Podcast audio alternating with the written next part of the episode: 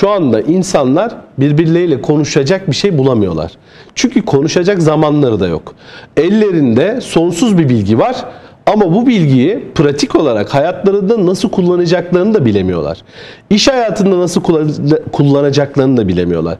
Sadece ellerinde aslında şablonlar var. Yani ben yapay zekayı biliyorum tamam Yarın hayatında bunu nasıl kullanacaksın? Yarın işinde yapay zeka ya da data hikayesi neyi değiştirecek? Somut bunu yapmak dediğiniz zaman o bilgiyi sadece hızlı bir şekilde edinmiş olduğunuz bilgiyi hal etmek gerekiyor. Yani onu içselleştirmiş olmanız, kana karıştırmış olmanız gerekiyor. Ve bir bilginin kana karışabilmesi için de gerçekten o bilginin özü, etrafı, bağlamı, nasıl bir ortamda üretildiği, hangi büyük fotoğrafta nereye oturduğu iyi analiz edilmesi gerekiyor. Eğer siz aldığınız o bir birim bilginin toplam fotoğraftaki yerini doğru bir şekilde analiz edip o bilgiyi özümserseniz ve bunu hayatınıza entegre ederseniz o zaman aslında tüm korkular tamamen ortadan kalkıyor. En azından bireysel perspektifte ortadan kalkıyor.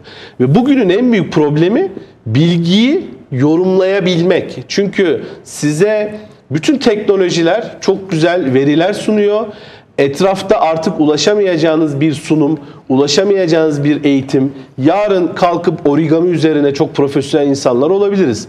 Ama origami üzerine 40 senesini geçirmiş bir adamın o kağıdı katlarken ki derinliğine ulaşabilir miyiz? Bu başka hikaye.